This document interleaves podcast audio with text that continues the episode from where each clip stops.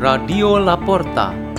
The door is open for you for the growing of knowledge and wisdom of God. Delivered by Father Peter Tukan, SDB, from Salesian Community Labuan Bajo, Diocese of Ruteng, Indonesia.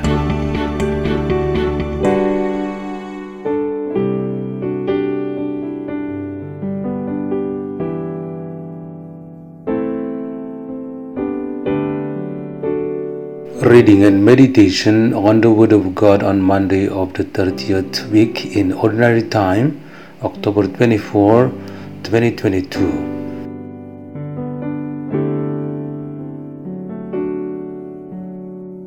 From the letter of St. Paul to the Ephesians Brothers and sisters, be kind to one another, compassionate, forgiving one another as God has forgiven you in Christ be imitators of God as beloved children and live in love as Christ loved us and handed himself over for us as a sacrificial offering to God for a fragrant aroma.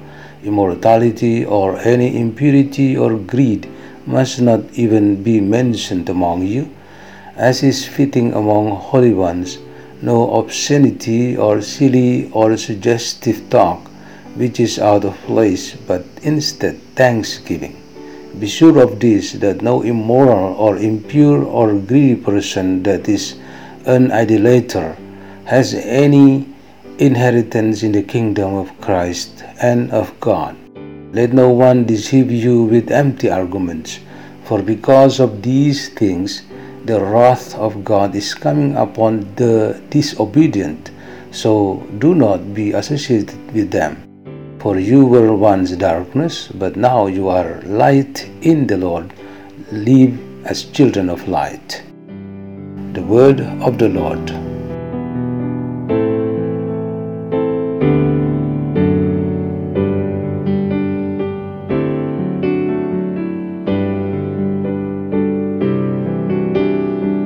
The theme for our meditation today is to live in the love of Christ.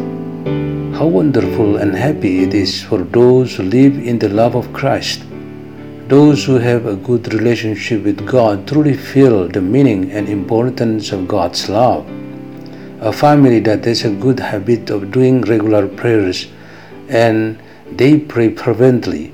Likewise, in daily life, there is a good practice of caring toward each other and mutual respect among its members. Obviously, it can claim to already experience the love of Christ. In this family, the father and mother really experience how patience makes the relationship so enjoyable. Each is patient with the other when there are differences in opinion. The need to listen and to understand becomes so vital in the process of settle problems in the family. In this way, each one always tries to avoid interest to win or tendency to blame the other. Children are obedient to their parents and carry out their duties properly in the house and outside as well. This family is also known to the neighbors as a good and faithful Catholic family. This family represents the reality of many families of the same standard that we can find around us. It could be your own family or maybe your neighbors. When St. Paul spoke in his letter to the Ephesians, which is the first reading today, he was actually referring to our families and communities that always try to live in the love of Christ. If there is a need for a Christian witnessing from our families and communities, such way of life that is centralized in Jesus Christ must be the content of our message that we want to share with others.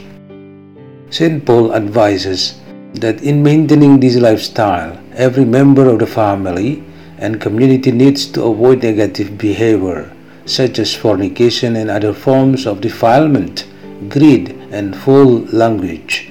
All evil plans and actions must be terminated and never given them any slight of tolerance.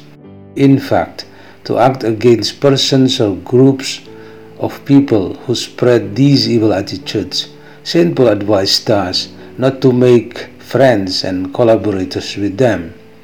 in the name of charity and hope for salvation, it is necessary that we pray for their repentance. We have to avoid building a partnership of any kind, fellowship with them, because it will bring us futility.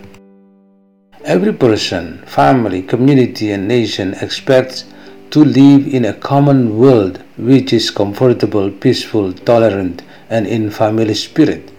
We all are children of Abraham who have rights to be protected and to own a dignified life. The sick, isolated, and marginalized are the priority in the mission of Jesus Christ so that they may experience joy and have a life in abundance of grace, which is to live in the love of Christ. Let's pray. In the name of the Father, and of the Son, and of the Holy Spirit, Amen. O Lord Jesus, in the midst of troubles and dangers of life, we come to you to beg your mercy and protection. May through our words and deeds we contribute to the building up our peaceful and meaningful common life. Hail Mary, full of grace, the Lord is with thee. Blessed art thou among women, and blessed is the fruit of thy womb, Jesus. Holy Mary, Mother of God, pray for us sinners, now and at the hour of our death. Amen.